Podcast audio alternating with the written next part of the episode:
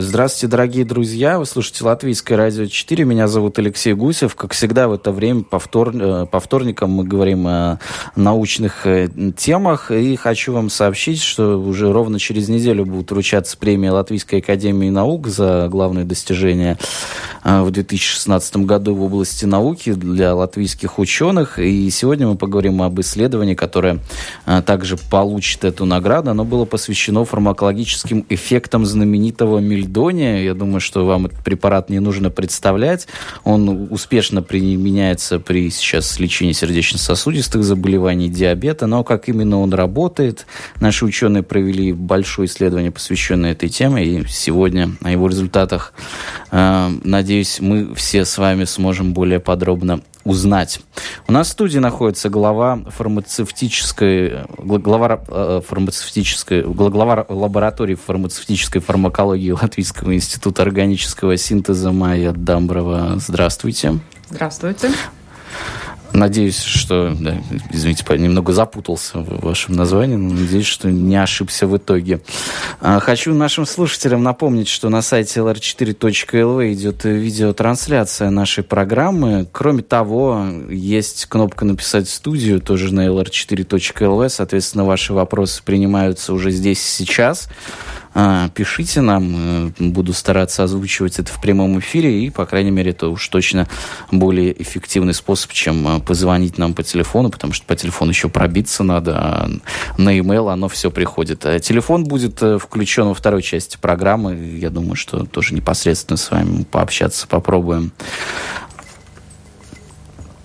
Хорошо, давайте тогда, может быть, для начала э, вот какой момент проясним препарат мельдоний изобретен и применяется, но тем не менее не все эффекты его известны, и его тоже можно изучать. То есть вот э, э, как вот это вот все сопоставляется почему уже по готовому какому-то лекарству нам следует проводить исследования, почему мы можем очень много нового из этого узнать? Расскажите.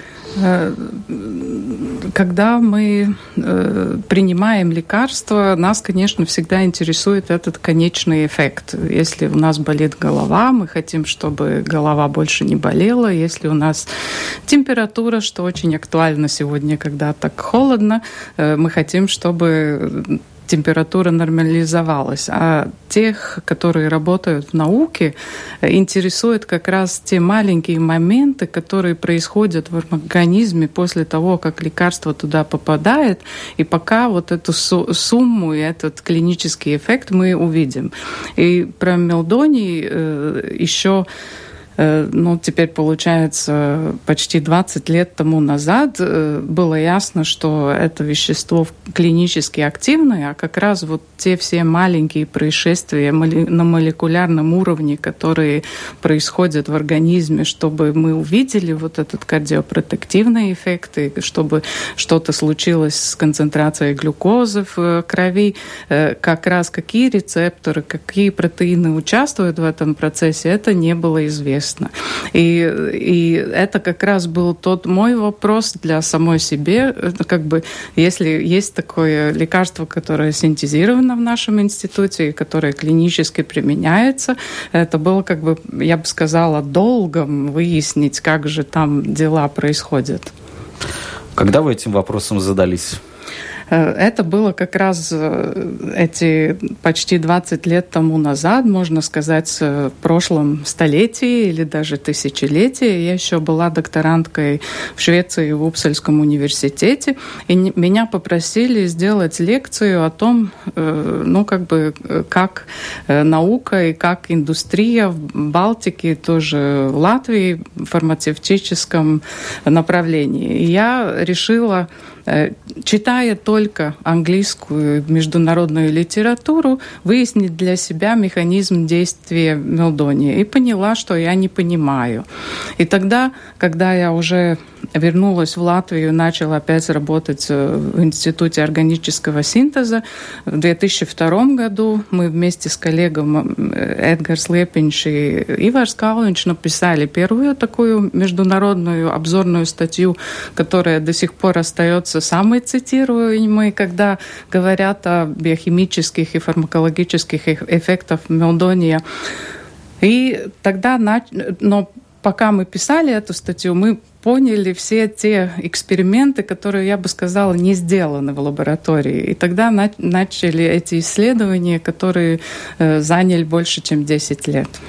Да, что ж, эксперименты. Давайте немного подробнее об этой части исследований поговорим. На ком эти эксперименты проводятся в случае, вот, например, с препаратом, который уже в продаже вроде бы есть.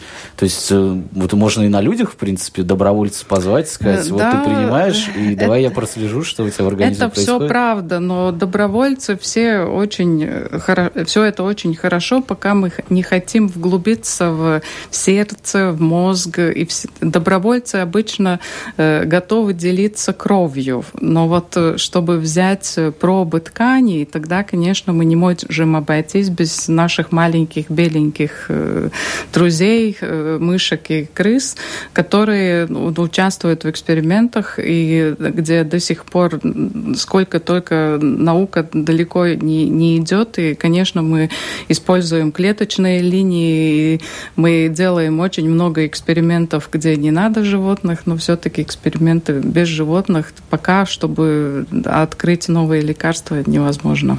Насколько для животных э, то есть насколько те эффекты, которые мы на животных можем наблюдать, они справедливы для человека? То есть я так понимаю, что все-таки это не одно и то же, и сердце у нас разного размера в э, отношении с Да и нет. Э, опять-таки на молекулярном уровне, когда мы смотрим даже не на анатомию сердца, а отдельно на э, клетку сердца, тогда все-таки многие механизмы и многие эти сигналы, которые там проходят, это совпадает и в животных животных и в, лю в людях.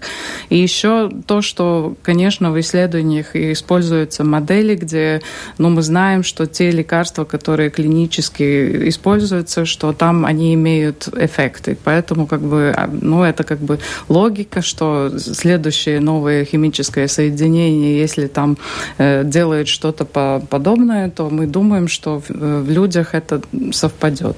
Конечно, это пока, не, пока первый человек не получил новый новый препарат, ничего на 100% не гарантировано. Да, и в ваших исследованиях, э, когда вы эти эксперименты ставили, то есть э, у вас же, наверное, какие-то предположения были относительно того, как это может работать, насколько это подтвердилось, насколько исходная гипотеза была справедливой? Э, я думаю, что подтвердилось, конечно, то, что мелдоний – это кардиопротективный препарат, и что на разные болезни, которые, ну, модельные болезни, как атеросклероз, склероз, инфаркт, тоже инсульт, особенно ну, для реабилитации.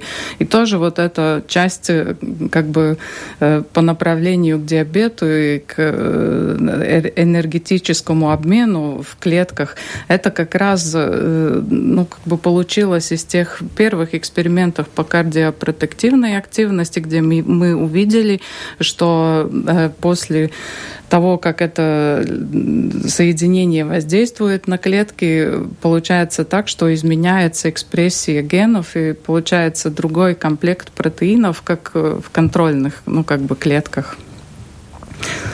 Так что, да, это было как бы... Мы выбирали модели, по, по направлению, где мы знали, что есть клинический эффект, но мы внедряли, внедрялись в механизмы как бы на молекулярном уровне.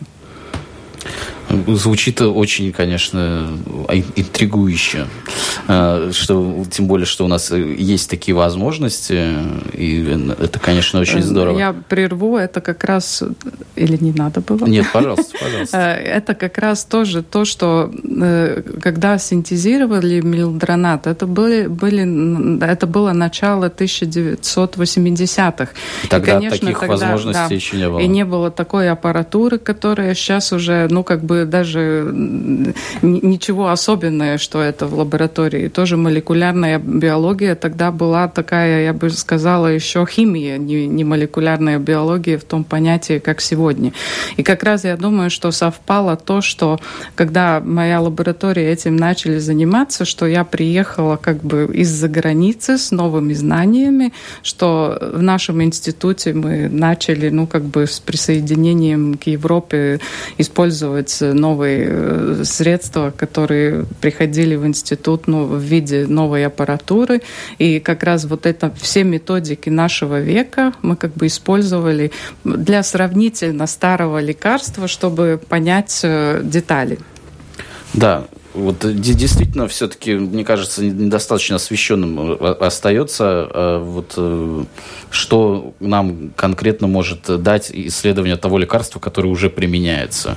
То есть я понимаю, что все-таки же действительно дает, что какие-то знания у нас расширились, и, очевидно, это много где может быть применено. Но скажите. Ну, во-первых, когда мы заходим в аптеку, кажется, там все полки уже полные. И тогда, в принципе, кажется, что фармакология, исследования новых лекарств, как бы зачем вообще это продолжать, там же все есть.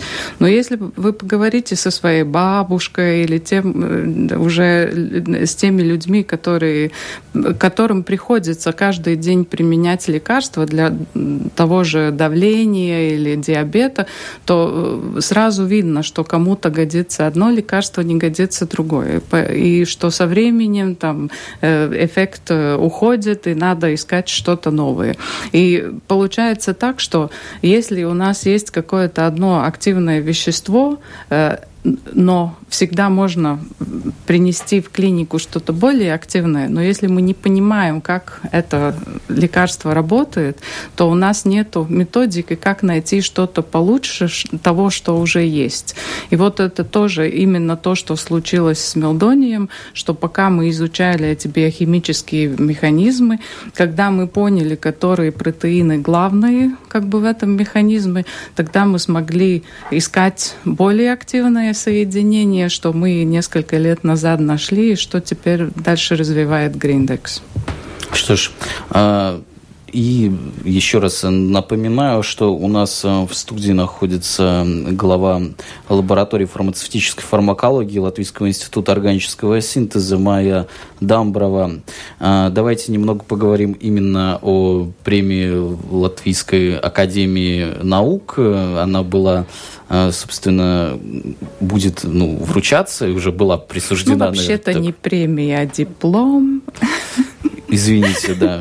Хорошо, ну да, то есть премии нет, но есть... Да, есть диплом. Но, и... но есть признание. Да, есть, есть признание. Есть признание, и это, если вот здесь, я надеюсь, здесь я не ошибусь, это было за работу фармакологические эффекты мельдония, биохимические механизмы и э, биомаркеры э, кардиометаболической активности.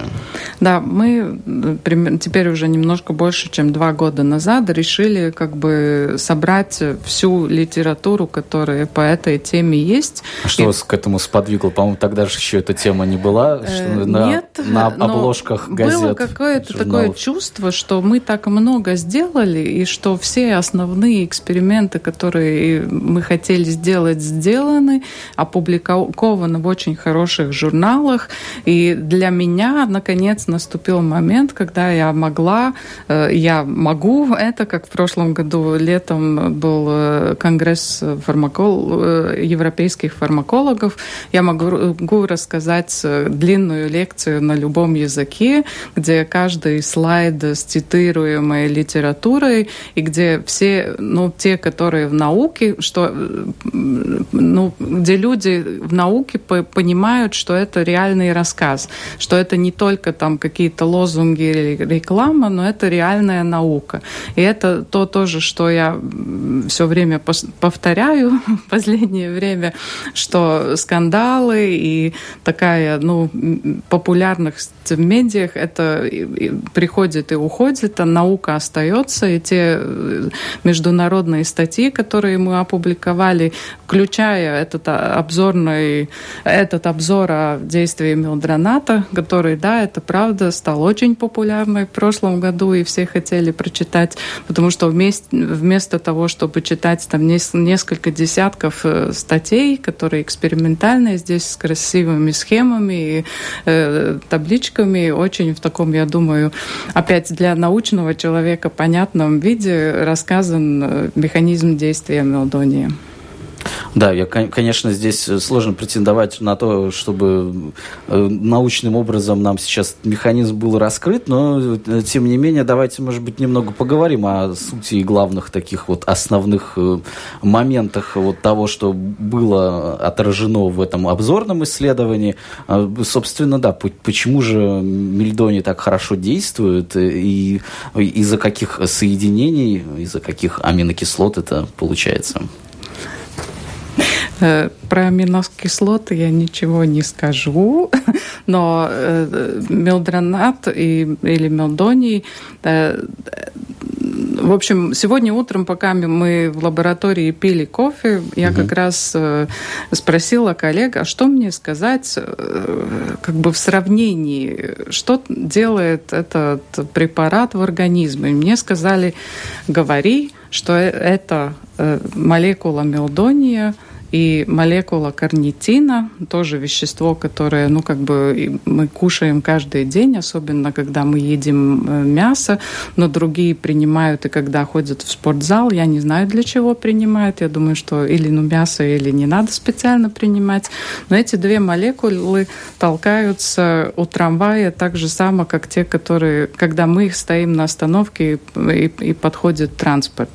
И получается так, что если мы принимаем мелдон мелдонии, то карнитин не попадает в организм и в клетку, потому что мелдонии более активны и попадают туда первые, двери закрываются. И после того, как в организме становится меньше карнитина, э, клетка адаптируется к новым обстоятельствам и э, производит новые протеины, которые ей помогают, э, ну так, в кавычках, кушать больше глюкозы. И это очень выгодно, когда не хватает кислорода. И это очень важно для клетки, особенно когда кардиоваскулярные заболевания. Но с другой стороны, если наша мускулатура кушает больше глюкозы, значит, эту глюкозу убирает из кровотока, значит, при диабете, при диабете, ну, получается, что улучшается эта регуляция концентрации глюкозы. Это, в принципе, главный механизм действия. Поэтому это э, действие не моментальное, Э, это э, лекарство надо употреблять э, регулярно. В курс, ну, какой-то курс. Угу. В лаборатории мы видим, что это минимум две недели, что ну, это требует несколько дней. И еще, если в то же время принимать много карнитина, то получается, что этот карнитин конкурирует с мелдронатом или мелдонием, и получается, что эффект уменьшается. Угу, то есть э, все-таки, да, должны быть некоторые предписания к диете и э, тоже... Э, как бы да. Угу, угу. Что ж, я думаю, что сейчас мы можем уйти на небольшую паузу. После этого перейдем во вторую часть нашей программы. Там уже и слушатели смогут нам тоже позвонить и задать какие-нибудь свои интересующие вопросы.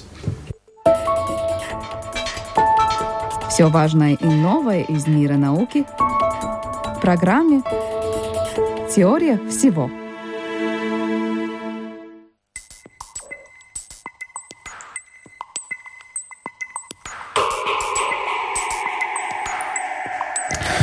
Слушайте, Латвийское радио 4. У нас э, в гостях глава лаборатории э, фармацевтической фармакологии Латвийского института органического синтеза Майя Дамброва. Говорим мы о том, как э, действует препарат Мельдони, знаменитый я думаю, что все наши слушатели, конечно, тоже в курсе о том, что это такое. Но вот вы, кстати, мне перед эфиром сказали, что для вас не было такой полной неожиданностью, что вот разразился так называемый допинговый скандал скандал, и что это было тоже достаточно прогнозируемо. Почему? Я, да, я, для меня скандал был немножко, как бы, я была удивлена, когда все это произошло, потому что первые индикации, что Мелдонии будет в списке, уже показались в 2014 году, и когда появилась первая статья, э, мне кажется, французских, я уже не помню, э, как бы исследователи, как мерить э, концентрацию мелдонии в плазме крови. И, и вообще то, ну, было ясно, что там что-то происходит, что это серьезно и, и так далее. Так что я думаю, что надо было готовиться. Было ясно, что это произойдет, да. Понятно, понятно. Ну, а, кстати, как к этому относиться с вашей точки зрения, если уж ну, придется, наверное, этот вопрос задать, допинг это или нет? Эм, опять, э, ну, э, я научная наука.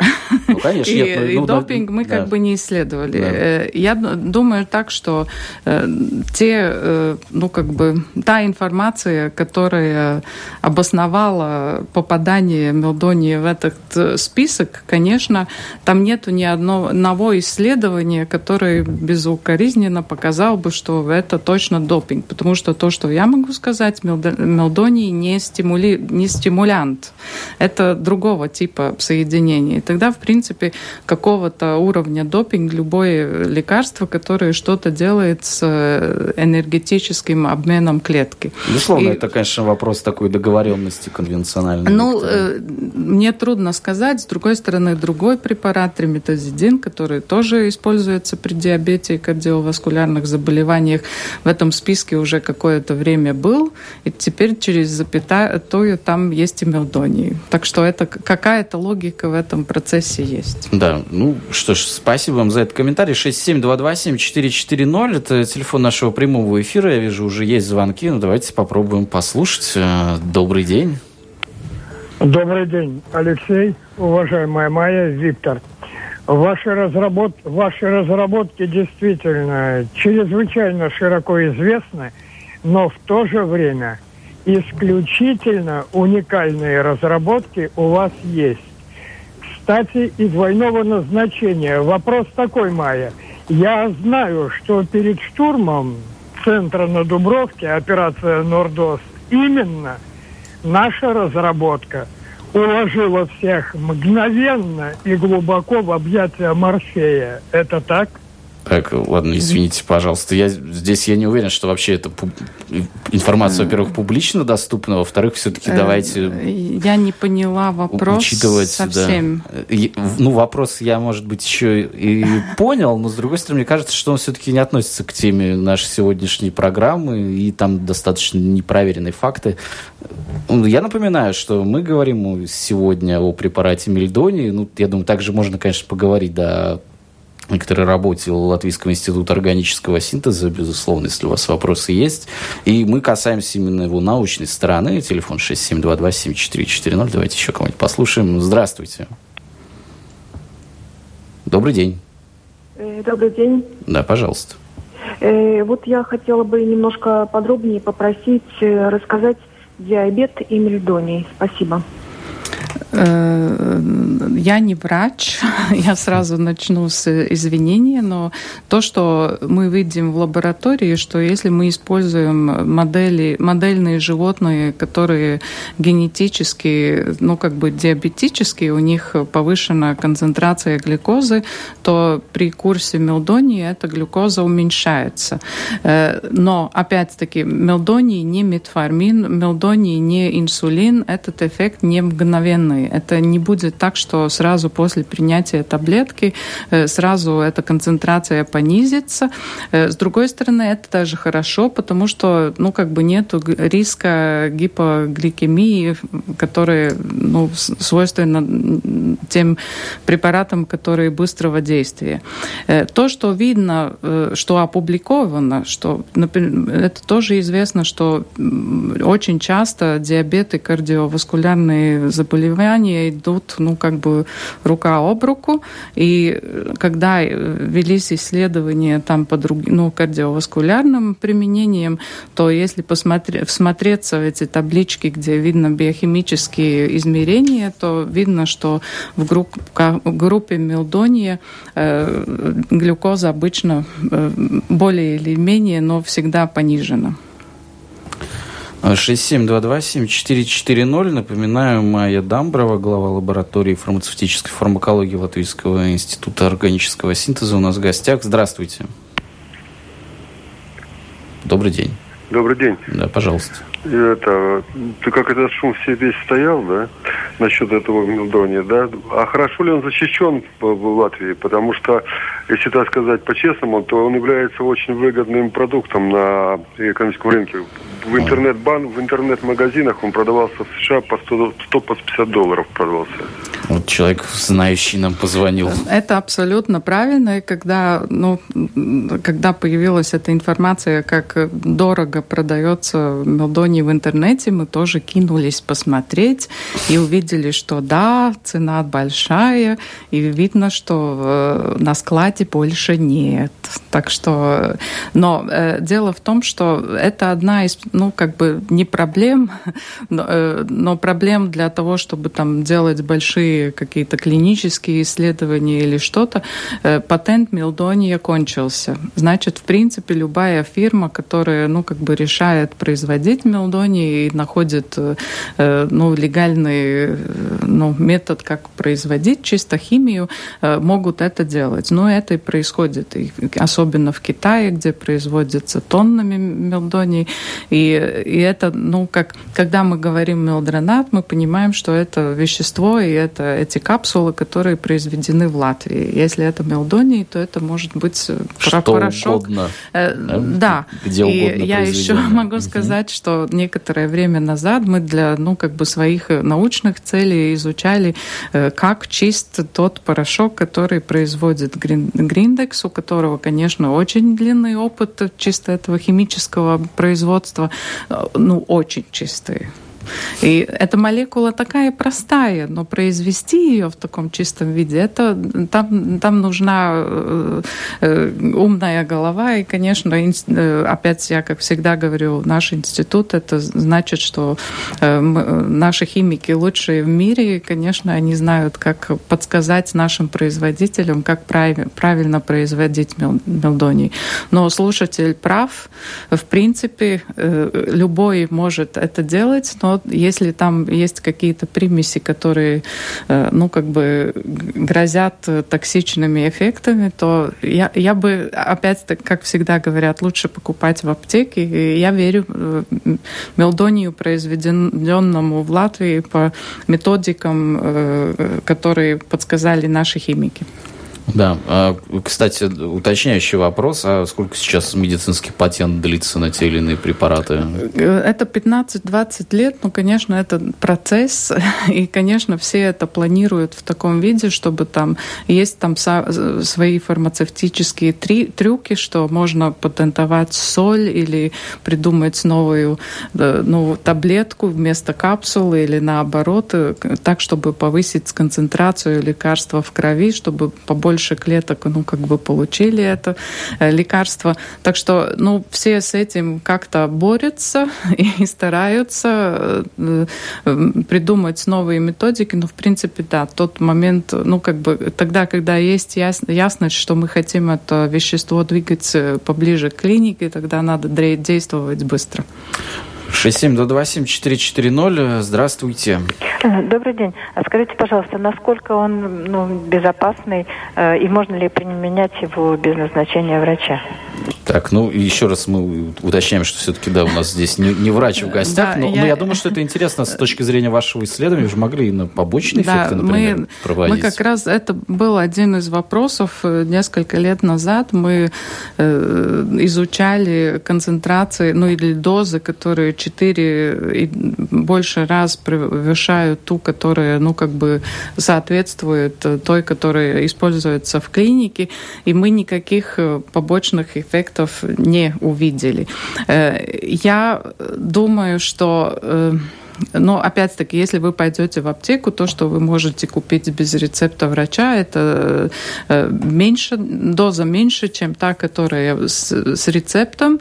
Э, и ну, хорошо, это, конечно, э, шутка, но, с другой стороны, в прошлом году мы слышали признание, где человек больше 10 лет использовал лекарства, я думаю, при том и физическом состоянии, и э, общем виде, я думаю, что это только реклама того, что, ну, как бы, я не вижу проблемы. Скажите, пожалуйста, сейчас, э, когда уже большое обзорное исследование опубликовано, уже были проведены эксперименты, то есть э, теперь ваша работа в качестве эффектов Мельдони, она завершена или что-то еще есть неосвещенное? Ну, мы вглубляемся все глубже в эти молекулярные эффекты. И самое интересное то, что, э, например, одна из статей, которая, ну, как бы, ну, случилась как бы боком к этим исследуем Мелдонии, было, например, ну так как бы все началось опять почти с шутки. Если хорошо, что ну, Мелдоний учит клетку кушать больше глюкозы, и тогда сердцу хорошо, значит, получается так, что когда мы покушали, как сейчас после, наверное, обеда у слушателей, тогда получается, что у нас в крови больше глюкозы, и значит, наше сердце должно быть как бы себя чувствовать лучше в случае инфаркта. И мы сделали, ну, как бы простой эксперимент. Опять на, на, на животных это возможно, люди, наверное, бы не согласились, но когда получается больше инфаркт, когда вы натощак или когда покушали, получается, что натощак зона инфаркта два раза больше. Значит, если э, значит голодать, совсем голодать, это плохо. Этому наш научил Мелдони и молекулярные механизмы. Но теперь мы продолжаем дальше. Это э, вторая часть э, этой обзорной статьи, какие биомаркеры, ну, как бы активности Мелдонии. И один из биомаркеров ацилкарнитины, которые, ну, это молекулы, которые все знают, есть карнитин, есть жирные кислоты. Это вот как раз такой метаболит, который ну, где среагировали обе эти молекулы. И получается так, что мелдоний и ему подобные соединения понижают эту концентрацию. Чем ниже концентрация этих веществ в крови, тем лучше чувствует сердце и тем э, активнее инсулин, что опять-таки очень важно, важно при диабете. Но мы сейчас занимаемся вот как раз фундаментальной наукой и ищем новые возможные протеины, которые э, новые цели для новых лекарств. А, то есть лабораторная работа продолжается, но в том числе и с мельдонием связанная. Ну, э, у нас теперь, кроме мельдония, есть новые соединения, которые, ну, как бы более интересные, потому что в химо- биохимическом плане они более активные. Но я правда горжусь тем, что мы как бы эту историю того, что, ну, как бы что-то, что производится в Латвии, что мы э, сделали порядок да, и мы продолжаем да. лидерами оставаться да. в да. этом. Это и это только, не только разговоры о том, что там что-то есть, но нету ни одной цифры, что назвать. Я горжусь тем, что в прошлом году э, были э, ну, как бы наши исследования и цифры, которые мы как бы публиковали, были аргументами, когда говорили об этом соединении международном. Слушай, о фармакологических эффектах препарата Мельдони мы сегодня говорили с главой лаборатории фармацевтической фармакологии Латвийского института органического синтеза Майей Дамбровой. Спасибо вам большое. Спасибо вам. До свидания. Программа «Теория всего» прощается с вами, с вами на неделю. Встретимся совсем скоро. Меня зовут Алексей Гусев. И берегите себя.